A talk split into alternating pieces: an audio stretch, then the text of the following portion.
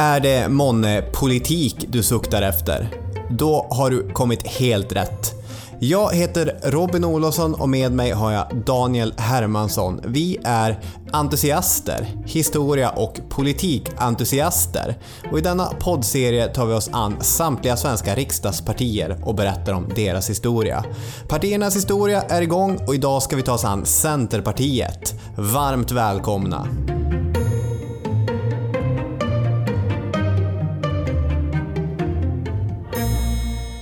Ja, då var det dags för ett nytt parti här. Precis. Eh, I den här poddserien så är det jag och du, vi har ju vanligtvis Historiepodden Det har vi. här på Radio Play. Kan ni lyssna på? Det är en härlig podcast. Om man får säga det själv. Och det får man. Eh, Har vi pratat eh, något? Ja, det har vi ja, när jag tänker efter. om, ja, precis. Centerpartiet. Vi har ju varit inne på... Riksdagsvalet 1982. Ja, just det. Det var mycket Fälldin där. Gjorde en riktig närläsning av det. Ja, sannerligen. Men också, också eh, Bertil Ohlin eh, för eh, Folkpartiet hade ju eh, ja, hans försök att eh, tåta ihop saker och ting med Gunnar Hedlund i eh, Centerpartiet slash Bondeförbundet. Just det. Och där kom ju Hedlund in en del också. Och i det sammanhanget var väl också Maud Olofsson med på ett hörn. Det är fullt möjligt. Se där, nu har ni fullt med tips att lyssna på.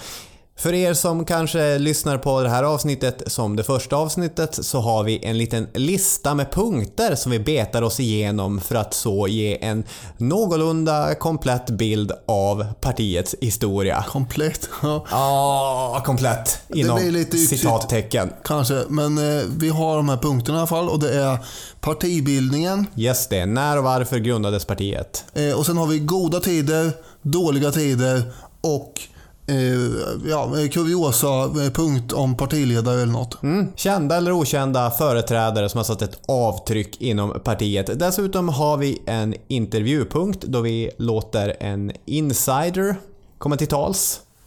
Ska vi dyka in direkt på varför grundades partiet? Jag ska säga direkt att innan vi kommer in på Bondeförbundet då, så finns det ju en lång tråd i svensk historia gällande bönderna. Det fjärde ståndet i Sveriges ståndsriksdag, det representerades av bönderna minsann. Och detta är inte speciellt vanligt. Jämför till exempel med den franska motsvarigheten, adel, präster och tredje ståndet. Där dominerades det tredje ståndet av eh, borgare knutna till städer. Men i Sverige har vi alltså en medeltida historia av bönder som innehar en politisk och social makt. Sen 1300-talet skulle representanter för bönderna delta i hyllandet av en ny kung. Eh, och riksföreståndare har under århundraden vänt sig till allmogen för att söka stöd för sin politik. Vi har också alltså bonden i svensk nationalromantik, alltså 1800-tal. Det är en jättestark symbol för Sverige. Odalbonden som eh, eh han skrev om Geijer. Just det, precis. Alltså finns det en ganska lång koppling mellan politiskt inflytande och bondeståndet i Sverige. Nu är det väl kanske inte där som Centerpartiet grundas, men det finns någon som, som en vag bakgrund ändå. Låt oss börja med tvåkammarriksdagen. För eh, det första eh, partiet, den första partibildningen i svensk politik ända sedan eh, hattar och mössor höll på och, och, och eh, ja, kä- käfta höll jag på att säga. Men Bråkade mycket om vilken typ av flotta man skulle ha. ja, Om det var Danmark eller Ryssland som var hotat. två år efter att den här eh, tvåkammarriksdagen har grundats eh, så kommer då Lantmannapartiet. Det är Just alltså det. ingen större chock att eh, det är bönderna då som går ihop här. Och eh, det är ett slags intresseparti då för jordbrukare och landsbygdsfolk. Ja, precis. Hemmansägare och godsägare, mycket. Partiet splittras eh, ganska snabbt eh, på tullfrågan under 1880-talet. Eh, en grupp blir frihandelsvänlig och en annan grupp blir protektionistisk. Och efter flera turer här av enande och eh, splittrande och enande igen så kommer gruppen ingå i den så kallade andrakammarhögern och ingår därmed då eh, vartefter i högerpartiet. Vilket alltså är ett helt annat parti historia eh, som vi inte behövde ha här. Men alltså det, Vi ska inte riva av det när vi ändå är igång. Vi har gjort det vid ett annat tillfälle. Ni kan lyssna på det avsnittet också. Eh, Men det här visar ändå att bönder och stor eh, godsjordbruksägare eh, långt ord som inte är helt korrekt antagligen. eh, var, de var ju tidigt ute här i någon form av organisationstänk. Just det, ja. Och eh, Det visar också att bönderna inte alltid är en enhetlig grupp utan det kan spreta. En del är liberala och andra har konservativa värderingar och sådär. Mm, absolut. 1910 så hade det publicerats en text i eh, tidningen Landsbygden Mm. Med rubriken “Bröder, låt om oss enas”. Oj. Oj. Det är ett kall till bönder att samlas under samma eh, partiflagg, antar jag. Ja, eh, det tar tre år innan man kommer till skott med det. Med ett formellt grundande. I, i mars, 1 mars 1913 så bildas Bondeförbundet. Då hade man hittat enkäten och förstått hur man fyllde i den. Exakt. Eh, Och eh, poängen är då att man ska kämpa för landsbygdens intresse här. Eh, I kontrast mot de här växande städerna och industriernas intressen. Precis. Det Folk med gös, fötterna i gödselstacken behöver gemensam röst så är det! mot arbetare och storföretagare i, i städerna. Ja, för ungefär under samma tid när vi har pratat om eh, de liksom historiskt renodlade socialistiska, konservativa eller liberala partierna i den här serien. De är ganska enkla att passa in i det här nya industriella samhället. Vi har tre grundläggande ideologier som alla vill mer eller mindre olika saker i det nya industrisamhället. Men Bondeförbundet som du var inne på, kanske inte bekvämt hemmahörande i något av de lägren. Utan istället den här allmänna idén om att mellan stad och landsbygd finns en inbyggd motsättning. Och därför blir det snarare ett intresseparti i början. Än en renodlad ideologisk skapelse. Eh, Lantmannapartiet eh, hade ju visat då att det inte var självklart att det var lätt att förena eh, folket ute på landsbygden i ett parti. För förutom vanliga bönder så fanns det ju fattiga lantarbetare. Och det, eh, de kunde lockas av Socialdemokraterna och så fanns det storgodsägare som höll på högern. Och någonstans där i- mittemellan då skulle bondeförbundet försöka få åt sig så många som möjligt. 1915 så splittras ju det här partiet då när Jordbrukarnas riksförbund bildas. Och eh, det kommer ju sen då utgöra ett eget parti som eh, skilde sig från bondeförbundet i den meningen att de var mer försvarsvänliga. Så det var inte jätte... Men det var ju ett viktig fråga då på den tiden. Ja, när det gick inför krig. Ja, 1917 kom båda de här partierna in i riksdagen. Bondeförbundet hade ju fler mandat men eh, man lyckas enas och kommer fram till att ja men nu kanske vi har ju viktigare saker än försvaret att tänka på. Så då 1921 så slås de ihop då eh, och eh, Jordbrukarnas riksförbund uppgår kan man säga i Bondeförbundet igen. Just det. Oavsett vad många av partiets företrädare kanske eh, tänker, med, tänker idag så är det en ganska konservativ grund för det här partiet. Det här är inte jättemärkligt eftersom bönder genom hela historien, hävdar jag generellt, har haft en något konservativ syn på tillvaron. Det var inte arbetare eh, som slöt upp i ett tåg på kungens sida 1914. Eh, som för övrigt är då en annan traditionell konservativ eh, bas Nu, samhället. prat, nu pratar vi om Borgårdskrisen. Precis, Som leder till att eh, den då sittande regeringen tvingas avgå. just det. Det var ju då 30 000 bönder som tog sig till Stockholm för att heja fram kungen här. Eh, dock var det inte bönder från Bondeförbundet som deltog i det här bondetåget utan det var medlemmar då i det här Jordbrukarnas riksförbund. Eh, och, men om man backar till den tiden du pratade om innan så har ju bönder ofta sett monarken som någon slags garant mot eh, adeln. Alltså för böndernas rättigheter mot adeln. Mm, just det. Så det finns en sån där eh, grej med i hela. Partiet har ju inte varit kanske känt som frihandelshylandets högborg alltid. Även om de kanske vill tro det och eh, är det idag. Ja, det är för det är intressant att allt det här hamnar mot en spegel av att Centerpartiet idag är Sveriges mest populära liberala parti. Mm, precis. Eh, och eh, det är därför vi har användning av historien för att se hur saker och ting ändras. Ja, verkligen. Tvärtom alltså så har man ju stridit väldigt hårt för regleringar, tullar och diverse protektionistiska insatser. Och det här är ju fullt begripligt utifrån Eh, de eh, produktionsfaktorer, ett ekonomiskt begrepp som vi har, eh, som finns i Sverige. Som då är, om man jämför med länder med större eh, arealmöjligheter att odla på som USA och Ryssland. Där man kan få fram en himla massa spannmål eh, i enorm skala och som då kan säljas billigare. Och särskilt också när vi får 1800-talets eh, transporthjälpmedel eh, med eh, det vill säga ångfartyg och järnvägar och sådär. Helt plötsligt kan man bli översköljd av en massa billigt spannmål och så. Eh, så det är klart, det här vill man ju skydda sig mot. Och egenintresse eh, och eh, en vilja att skydda sig från konkurrens är ju inte så underligt egentligen. Och det var vad Bondeförbundet ägnade sig åt under särskilt 30-talet och 50-talet och sådär.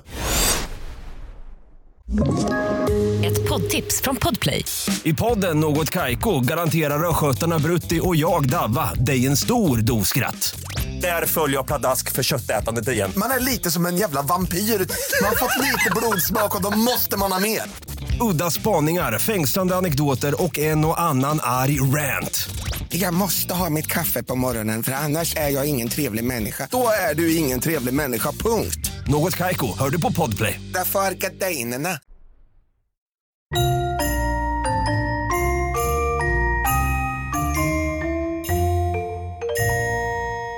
Goda tider.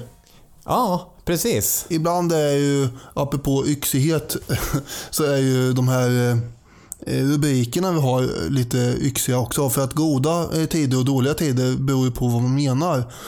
Och eh, det kan vara goda tider för partiet rent statistiskt, men det kan ju också vara dåligt. 50-talet är ett speciellt årtionde av ur det perspektivet.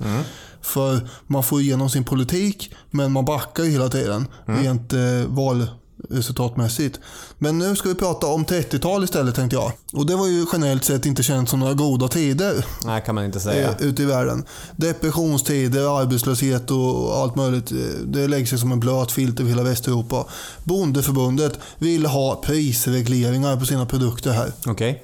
Socialdemokraterna ville ju av princip inte göra livsmedel dyrare för arbetare och var ju faktiskt snarare för en frihandelsvänlig linje. Den här saken diskuterades eh, ganska ingående före valet 1932. Gustav Möller eh, som då var partisekreterare för Socialdemokraterna stod och dundrade från eh, talarstolen att några prisregleringar inte går för sig. Skulle bönderna få statsgaranterade inkomster? Nej, Eh, Men en borgerlig majoritet lyckades ändå komma överens om att godkänna sådana här prisregleringar både för spannmål och mjölk före valet 32. Just det. Efter valet 32 så kunde Socialdemokraterna däremot bilda regering med Per Albin Hansson som statsminister. På den här tiden så var det inte självklart att Bondeförbundet skulle ingå i det borgerliga blo- blocket får vi komma ihåg. Nej, absolut inte. Axel Persson i Bramstorp eh, är då en karaktär som vi ska eh, titta lite på här.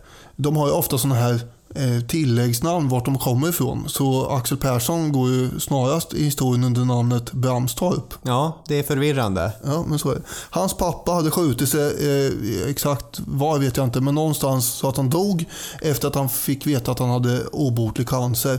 Det här gjorde att Axel hade behövt ta över familjens gård själv då istället för att genomföra sina planer och gå på realskola och sånt där. Men han hade ju ett brinnande intresse av allt som hände i bygden och utanför gården. Ja. Och till slut så blev han politiker. En resultatinriktad sådan. Eh, han var ute efter att uppnå verkliga och konkreta resultat för sina väljare. Ja. Och från början hade han ju suttit i riksdagen för eh, Liberalerna men under 20-talet så hade han bytt parti. Eh, och efter valet eh, 32 så hade den nya jordbruksministern eh, för Socialdemokraterna som hette Per Edvin Sköld. Han hade ju tidigare då protesterat livligt mot de här besluten som borgarna hade tagit på jordbruksfronten. Mm. Men nu var det ju så att Socialdemokraternas största mål eh, överhuvudtaget var ju att få igång ekonomin, eh, dämpa och få ner arbetslösheten och då hade de ju snickrat ihop ett litet stimulanspaket här för att skapa nya arbetstillfällen. ja, det vill man ju gärna sjösätta. Det vill man gärna sjösätta men man har inte majoritet i riksdagen så man behöver någon form av eh, man behöver hjälp för det här egentligen på något sätt.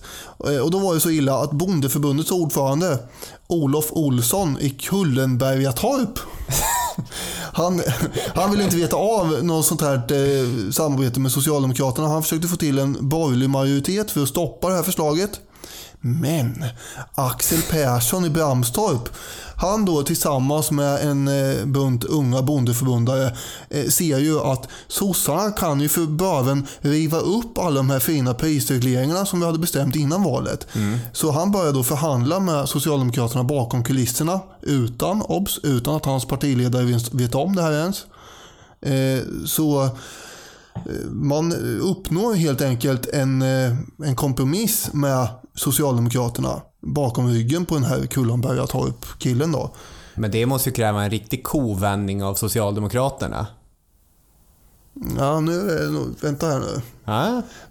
Koha, Det är inte det du menar. Nej, Kohandel menar du tror jag. ja men det är ju en vits. Ja, eh, Ja, jag fortsätt. jo, så är det ju. Ja, ja, eh, ta om det där. Eh, Nej, pärlor åt svin. Fortsätt snacka. Nej, men jag har ju med det skämtet sen med också, fast i ett annat sammanhang. men vad fan så... Ja, ja, ja. Skitsamma. Ja, de måste ju naturligtvis göra en kovändning här. Ja. Så är det ju. Jag tänkte läsa ett citat här eh, ur boken Ett centerparti och dess hövdingar. All right. Axel Persson hade fått dessa förslag genom riksdagen med hjälp av de andra borgerliga partierna. Men nu gjorde han den rimliga bedömningen att Socialdemokraterna var på gång och skulle komma att dominera det politiska livet under överskådlig tid. Då gällde det att smida medan järnet var varmt, det vill säga göra upp med Socialdemokraterna medan de ännu behövde stöd av något annat parti.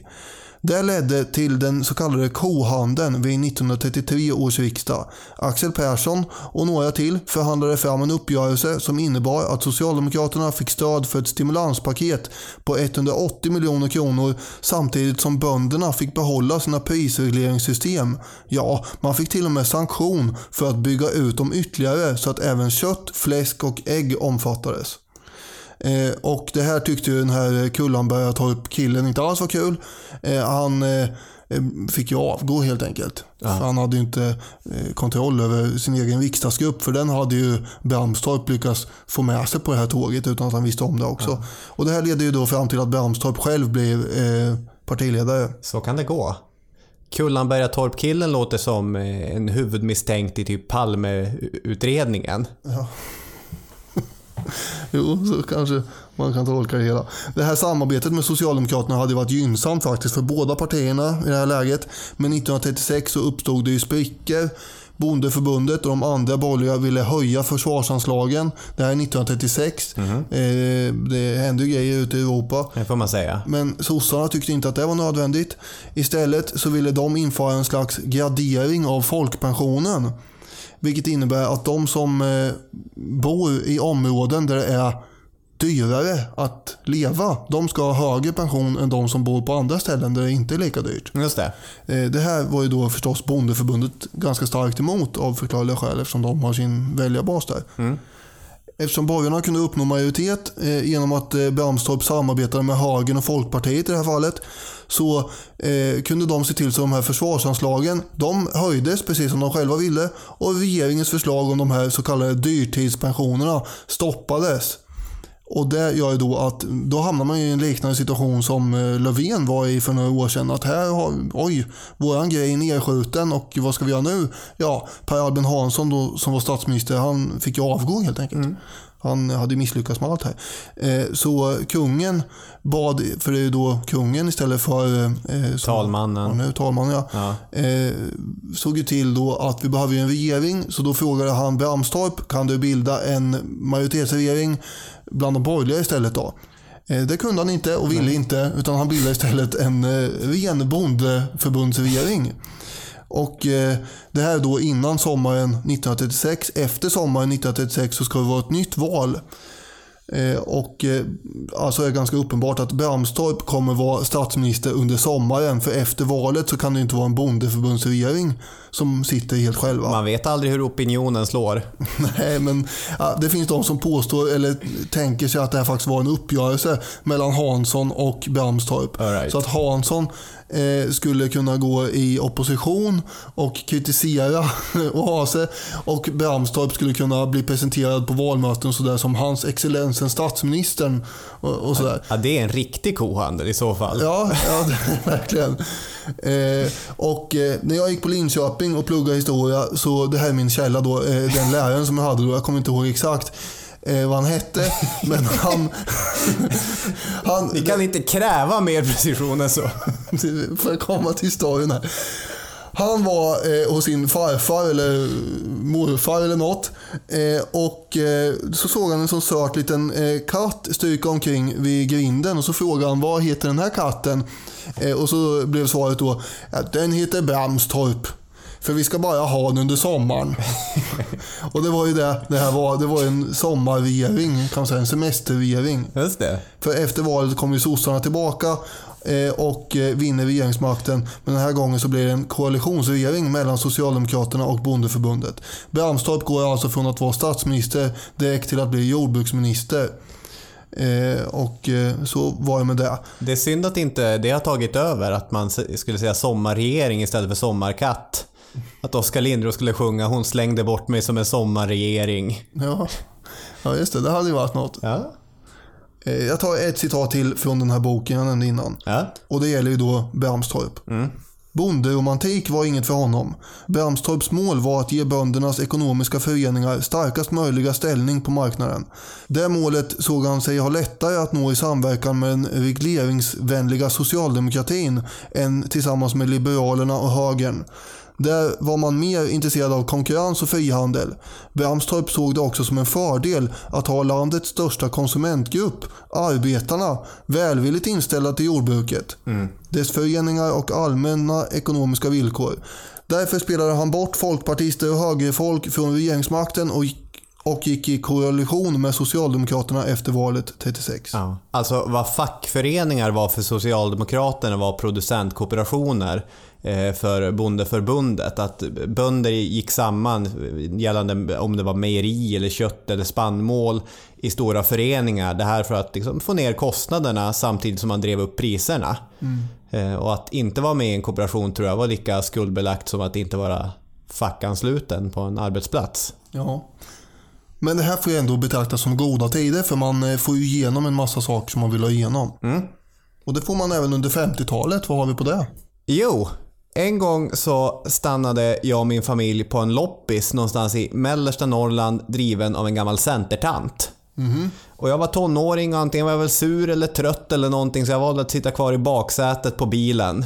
Medan mina föräldrar och min lilla syster travade in i, i den där loppisen. Och när de kom ut så var de full i skratt och till mig hade de köpt Jakob Hellmans eh, skiva Och Stora Havet på LP, vilket jag blev väldigt glad över. Och så sen berättade de om denna entusiastiska kvinna och det hus där Gunnar Hedlund hade sovit över en gång. Ja, det är ju stort det. Det, det, är, det måste hon ha berättat för all, Jag kan komma ihåg det fel, men jag är ganska säker att det var det som var storyn. Och det berättade hon till alla som kom på hennes loppis.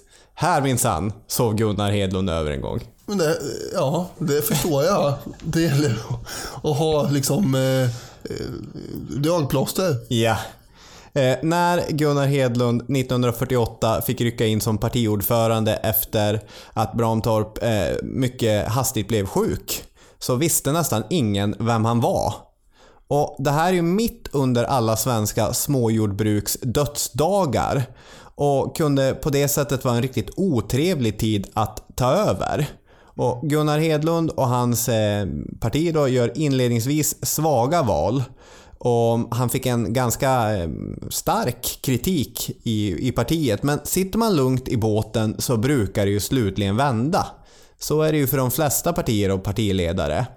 Eh, efter ATP-striden, som var en riktigt infekterad strid i svensk politik, den om allmänna tjänstepensioner, som röstas igenom genom att en folkpartist eh, bryter Ture Königsson. Just det, så hette han. Han röstar mot sitt parti. I alla fall, efter ATP-striden i slutet på 50-talet så går Gunnar Hedlunds parti in i en mycket bra eh, period genom att allmänt stå för decentralisering. I alla fall, det är så jag förstår hans politik. Så, så går han hem i breda folklager. Dessutom så blir han ganska folkkär för han har ett speciellt sätt att uttrycka sig. Han har lite gamla ordstäv. Och han, han för sig eh, på det sättet. 1958 så byter man namn till Centerpartiet och under 60-talet inleds en mittsamverkan med Folkpartiet. Det var till och med tal om att man skulle slå ihop partierna men det blev aldrig av. När han avgår 71 folkkär så lämnar han ett parti som egentligen inofficiellt redan axlat ledarskapen för oppositionen. Och Det jag tänkte varför man skulle kunna motivera att det här är bra tider är för redan på 30-talet så hade städerna gått om landsbygden när det gällde var flest svenskar bor. Men under det som kanske är Centerns storhetsperiod så fortsätter raset. Alltså när kurvan planar ut eh, och urbaniseringen stannar av lite grann så är det bara strax över miljonen svenskar som bor på landsbygden. I Gunnar Hedlunds sista val 1970 så får han 19,9%, alltså marginellt under miljonen röster. Och det är inte så att det är varje person på svensk landsbygd som har röstat på honom. Nej. Att det är ganska intressant att ett parti med den profilen lyckas växa sig så stort. Mm.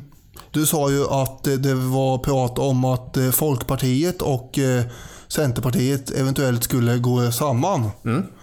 Här får då Gunnar Hedlund frågor. Han blir utfrågad av de här skjutjärnsjournalisterna yeah. 1968. Och jag, jag har suttit och skrattat åt det här när jag har tittat på det. För att jag tänker, undrar hur man hade svarat idag på så här, är det nyansskillnader bara mellan er? Bara, ja, jo, det är väl ja. så varför ska man rösta på? Ja. Och, och ungefär så här att, eh, ja men om han säger det, ja då är det väl så. Och så. Eh, så skulle nog inte Löfven och eh, Kristersson och gänget säga idag. Utan Nej. här vill man ju vara i polemik så mycket som möjligt. Då låter det så här när Hedlund blir utfrågad. Håller ni med om att Folkpartiet driver bostadsfrågan effektivare än Centerpartiet? Vi är väl på samma linje i den frågan tror jag. Det var vad herr Wedén sa också att ni stödde Folkpartiet men det skulle gå lite fortare om man la sin röst för, för Folkpartiet istället för Centerpartiet. Jaså? Tror ni det? Ja, säger han det så tror jag väl honom men jag har svårt att förstå varför. Kan man säga i stort sett att det skiljer i nyanser mellan Centerpartiet och Folkpartiet? Eller skiljer det egentligen på någon väsentlig punkt? I huvudsak är det nog i nyanser det skiljer. Så i stort sett är det då eh, likgiltigt för väljaren om man lägger sin röst för Centerpartiet eller för Folkpartiet? Så, ja, i den mån han inte bryr sig om nyanser så. Herr, det tror jag det... att väljarna gör i allmänhet. Väljare, de älskar nyanser. Det är ändå en annan tid. det där är underbart. Ja.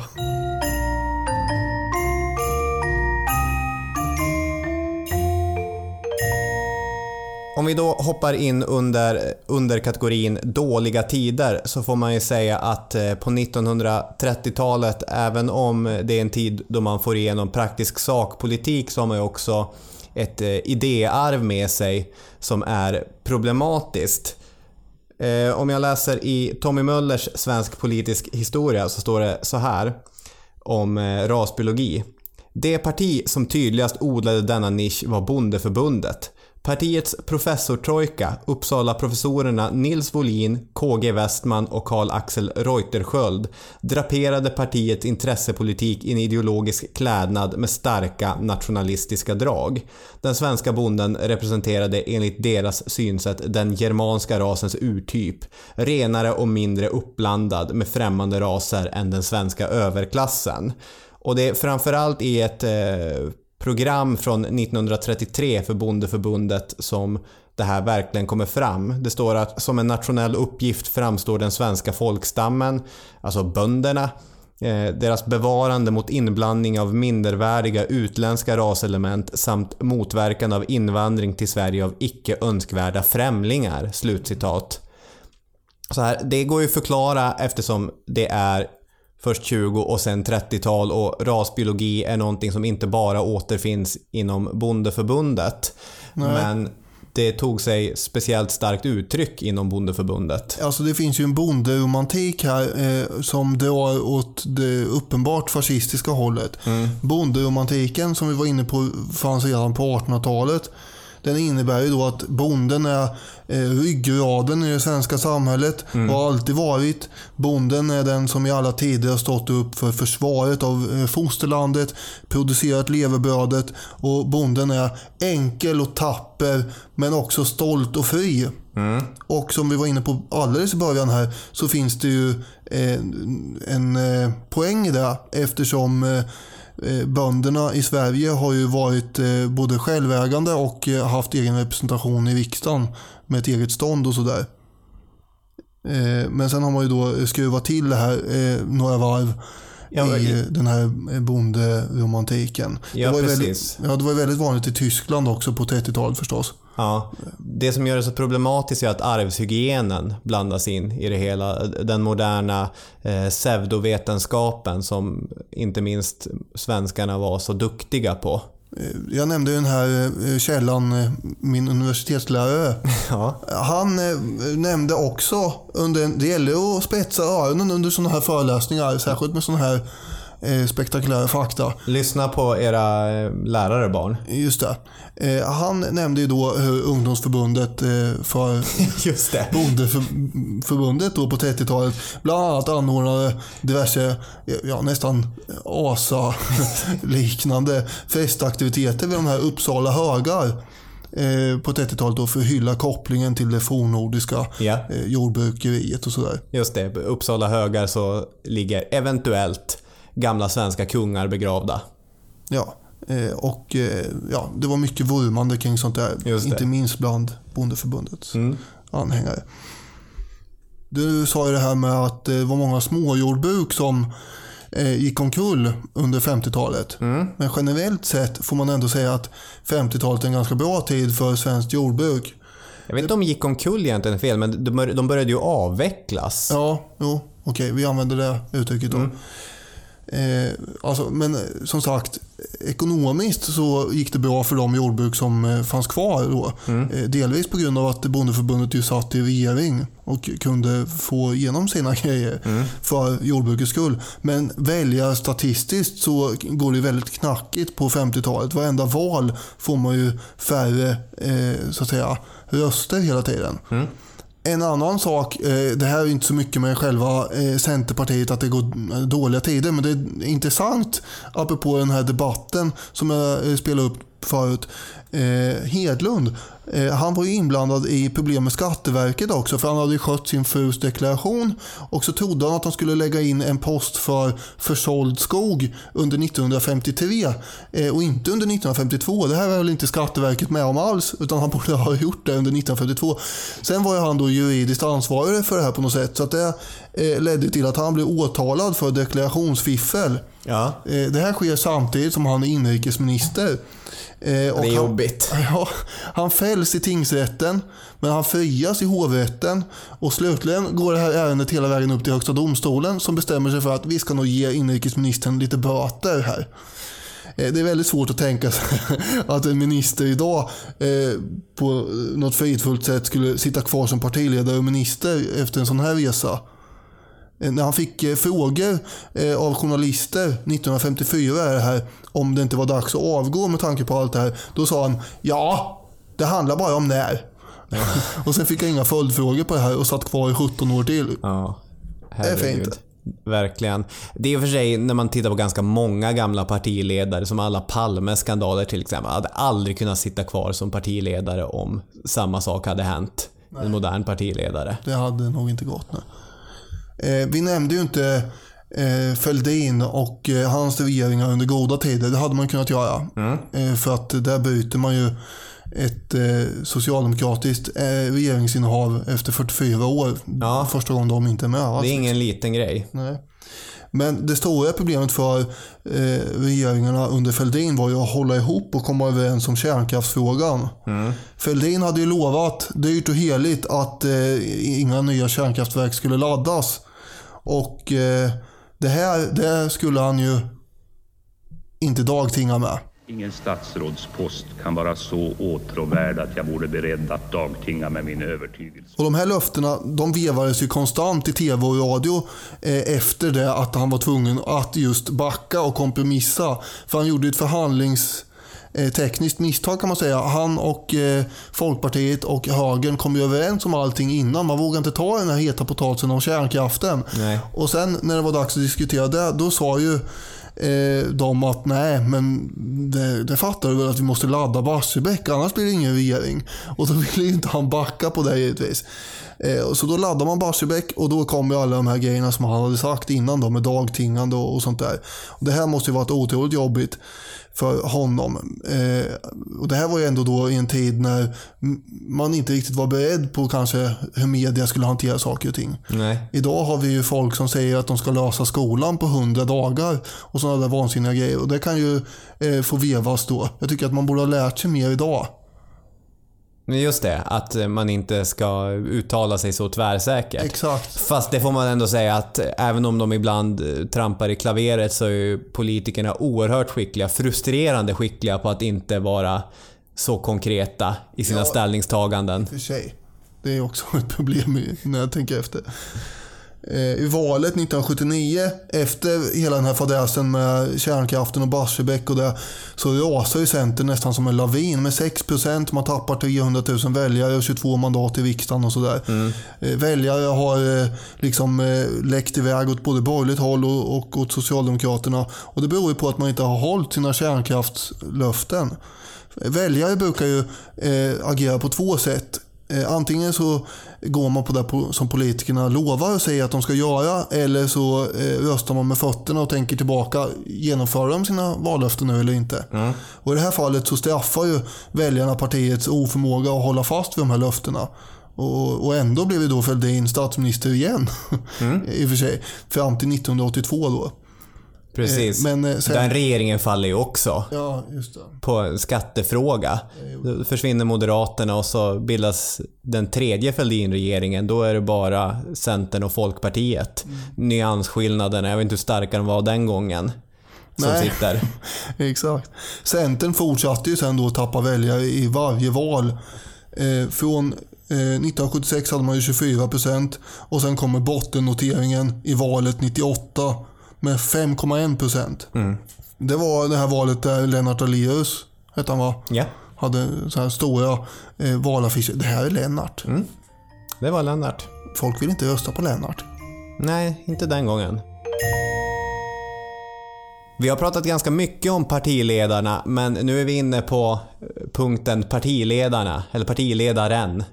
Och anekdoter har jag här. Just det, ja. Gunnar Hedlund då, eh, återkommer vi till här.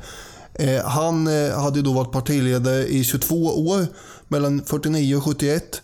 Det var han som stod för det här klassiska citatet med eh, Centerpartiet har velat och kommer alltid att vela.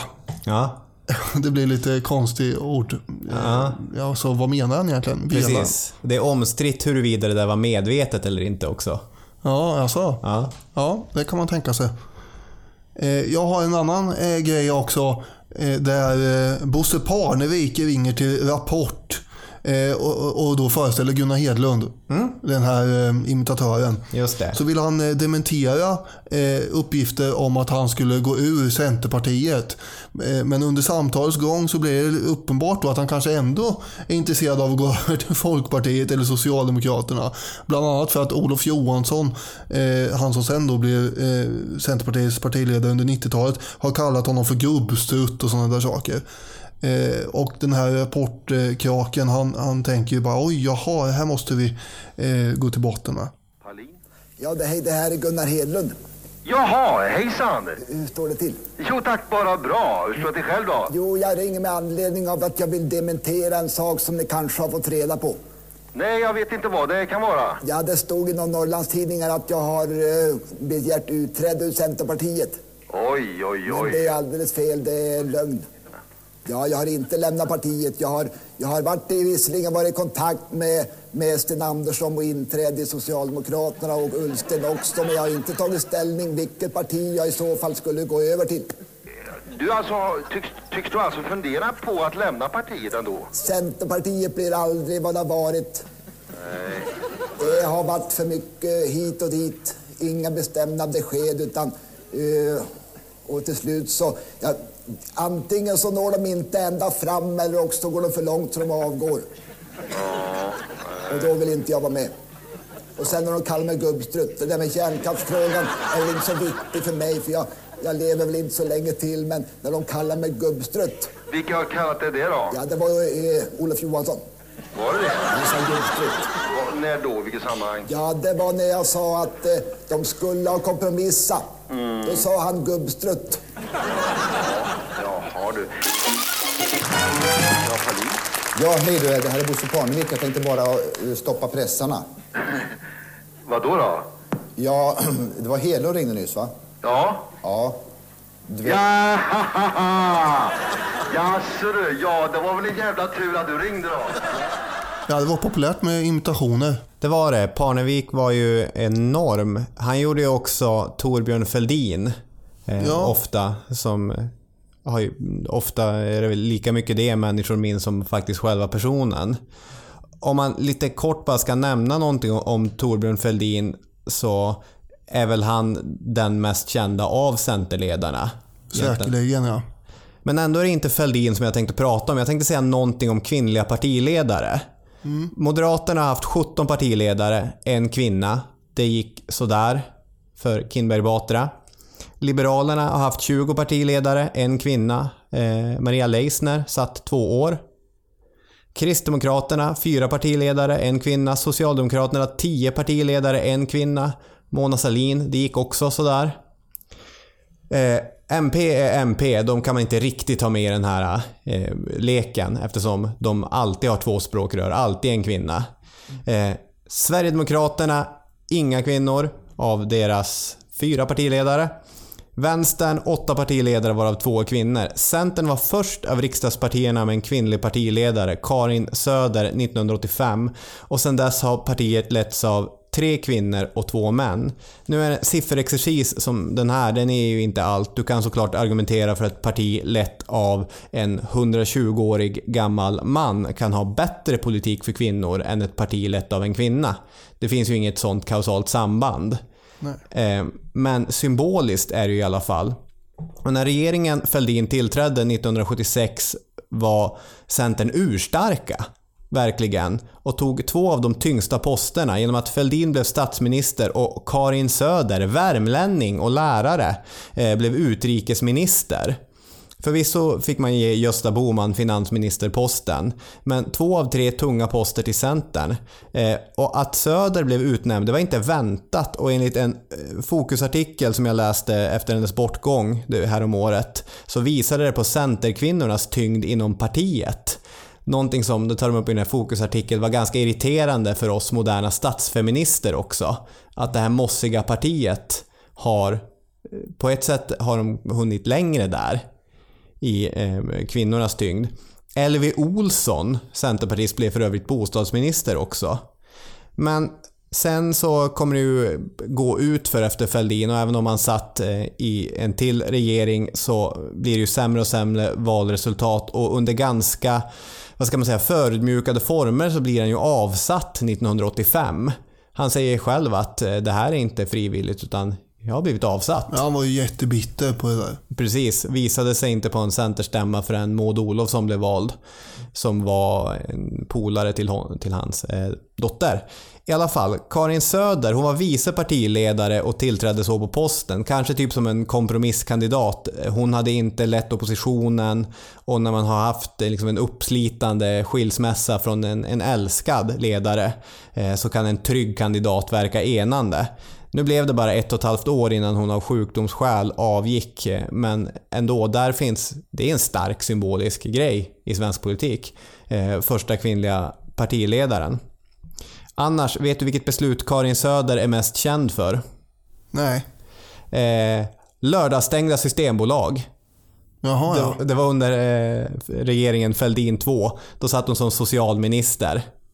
Det är också en här lite kul eh, bild mot det mer liberala Centerpartiet. Alexander Bards eh, idéprogram som han tog fram med månggifte och, och Ja, liknande ja. mot lördagsstängda systembolag. Just det, det. Eh, Maud Olofsson satt på posten i tio år och var Alliansens mamma. Den där sensommaren 2004 ute i, i vad heter det, Hö- Högfors va? eh, hon kommer ifrån. Jag tror det. Annie Lööf har suttit sedan 2011, ridit ut en inledande skitstorm för att sen konsolidera partiet i den rollen som man har just nu när vi spelar in. Sveriges största liberala parti i alla fall om man ser till eh, stöd i opinionen. Så att det får man ändå säga att det finns en, en sån tradition som inte så många andra svenska partier kan stoltsera med. Nästa punkt. Intervjun. Vi lämnar över till Robin Olofsson och Daniel Hermansson någonstans i Gamla stan. Okej, då har vi som genom magi förflyttat oss från studions trygghet till den programpunkt där vi försiktigt gläntar på dörren och skaffar ett insiderperspektiv.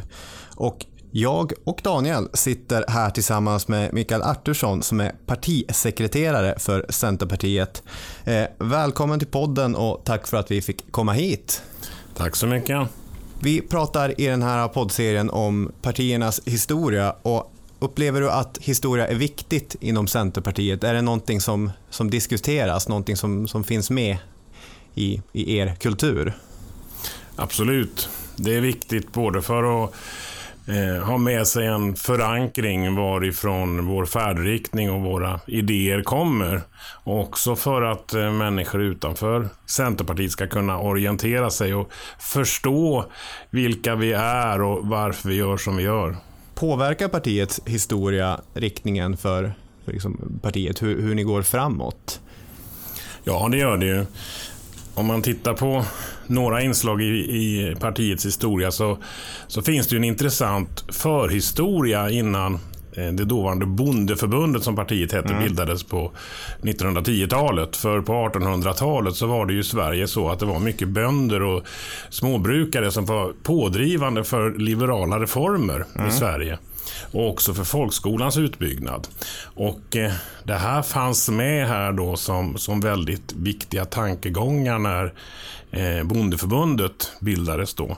Eh, tanken om, om eh, rättvisa över hela landet, om näringsfrihet, om äganderätt, eh, om att man skulle ha eh, god utbildning även på landsbygden, för att ta några exempel. Det där är ju intressant. Det, när vi pratade med, med Liberalerna så ställde jag den frågan. Eh, bildas partiet under tidigt 1900-tal när det, den riktiga partibildningen sker? Eller de vill ju mena att vi är en 1700-talsrörelse. Vi, det är de första svenska liberalerna som kämpar mot enväldet. Eh, är Centerpartiet Spårar ni arvet tillbaka till ståndsriksdagen och, och, och bondeståndet? Eller jordbruksrevolutionen kanske lika gärna då. Det kan man kanske göra, men det fanns ju ett, ett eh, Innan de moderna partierna bildades, om man får kalla de här hundraåriga partierna för det- det moderna, tycker så fanns det ett parti som hette Lantmannapartiet i Sverige som var ganska eh, dominerande och inflytelserikt. Och där fanns ju många av de här reformerna, eller de formades där, de som jag beskrev. Eh, så att det är väl det som ligger närmast till hands när det gäller vad som har fört med sig frön till det som sen skedde på, på 10-talet när partiet formellt bildades. Frön, säger du. Ja, nej, eh, jag bara tänkte, frön har ju mycket med jordbruk att göra. Absolut. Eh, en annan sak som vi frågar partierna och som vi tycker är intressanta det är hur man förhåller sig till kanske problematiska inslag i, i partiernas historia. Och med, med bondeförbundet så är det lätt att tänka på, på 20-talet och den blod och jordnationalismen, att man lyfter fram den här svenska rasrena bonden. Att den var mer rasren än vad den eh, aristokratin var till och med och att det var någonting som skulle skyddas från eh, yttre hot. Eh, hur, hur förhåller man sig till, till sådana eh, idéer i sitt eget partis historia? Det här är länge sedan men ändå. Ja, det kom ju fram tydligt också bland annat i, i ett mycket illa formulerat partiprogram från 1933 som Mm. lyfter fram just det som du beskriver. Och det är helt förfärliga saker som kommer fram där. Eh, sen kan man ju konstatera att det här skedde i ett samhälle som var, där demokratin, den unga demokratin var väldigt pressad. Och där de här eh, rasistiska idéerna fanns oerhört utbredda. I början på 20-talet så bildades ju Institutet för rashygien med Hjalmar Branting och Arvid Lindman och liberaler och även bondeförbundare som initiativtagare. Och Det finns massor med sådana här exempel. Det ursäktar inte det, det här, men det kan ju också göra att man får en, en förståelse. I många andra länder så blev det rena bondefascistiska rörelser som, som uppstod. Det hände inte i Sverige. Eh, så att där finns en, en, en hel del problematik. Mm. Har du varit med om att någon eh, politisk motståndare har använt eh, eh, Centerns historia som ett argument i en debatt eller eh, på samma sätt som kanske görs mot Sverigedemokraterna eller Vänsterpartiet? Eller är det för är den historiska distansen för lång? Nej, eh, framförallt brukar ju Sverigedemokraterna själva ta mm. upp det här och säga att det är väl ingen skillnad på vår nazistiska historia på 90-talet och eran på 30-talet. Mm. Eh, och vi tycker ju naturligtvis, och jag tycker att det är en relativisering som inte stämmer. Därför att det här var ju grunden till att deras parti bildades. Jag ska inte gå in för mycket på mm. ett annat parti. Medan, som jag beskrev tidigare, så hade vårt parti frihet och rättvisa som grundstenar. Och sen skedde en, en, en väldig urspårning under ett och ett och ett halvt årtionde när det gällde just synen på, på raser och eh, svenska folkstammen och så vidare. Vi har ju ett segment som heter Bra tider här. Vilka är de bästa tiderna för Centerpartiet eh, om du skulle eh, dra till med något här spontant? Ja, om jag drar till med något spontant så är det att vår bästa tid är nu. Men om jag tar lite längre tillbaks så, så skedde ju en väldigt kraftig partireformation i slutet på 50 början på 60-talet när partiet omvandlades från bondeförbund till centerparti och gick ifrån att vara ett så kombinerat intresse och idéparti till ett mer renodlat idéparti. var det första partiet som började driva miljöfrågor i Sverige på 60-talet. Började driva frågan om decentralisering eh, av beslut och, och, av makt och så vidare. Så att där skedde en väldigt eh, snabb idéutveckling och, som satte stor prägel också på resten av svenska samhället. Och tror jag sen gav grunden till att Centerpartiet blev så stort på 70-talet och kunde eh, bilda en ny regering efter 44 års socialdemokratiskt maktinnehav. Mm, just det. Eh, ska vi tacka så mycket då? Ja, det får vi göra här. Ja, tillbaka till studion. Tack så mycket. Tack, tack. tack. Eh, det var synd att han inte nappade på det här med eh, mitt skämt om eh, för, förrätt till bla bla bla. Jag tycker det var jättekul där, men det tyckte, tyckte inte han. Det är ändå cred till dig att du vågar skämta lite grann mer. Om jag blir så, så väldigt eh, van när jag sitter där i intervjupositionen. Det, det är all heder till dig. Alright, där har vi gett någon sorts, vad ska man säga, ganska eklektisk bild av eh, Centerpartiets historia, men härlig har den varit. Ja. Frejdig. Frejdigt. Och vi tackar så mycket yes. för att ni har lyssnat. Okej, okay. hej med er! Du har lyssnat på Partiernas historia om Centerpartiet med Robin Olofsson och Daniel Hermansson. Producent Jennifer de Wahl. Vill du höra mer av programledarna? I Historiepodden kan du ta del av allt från 1300-talets pestepidemi till de fasade svenska häxprocesserna. Nytt avsnitt varje söndag.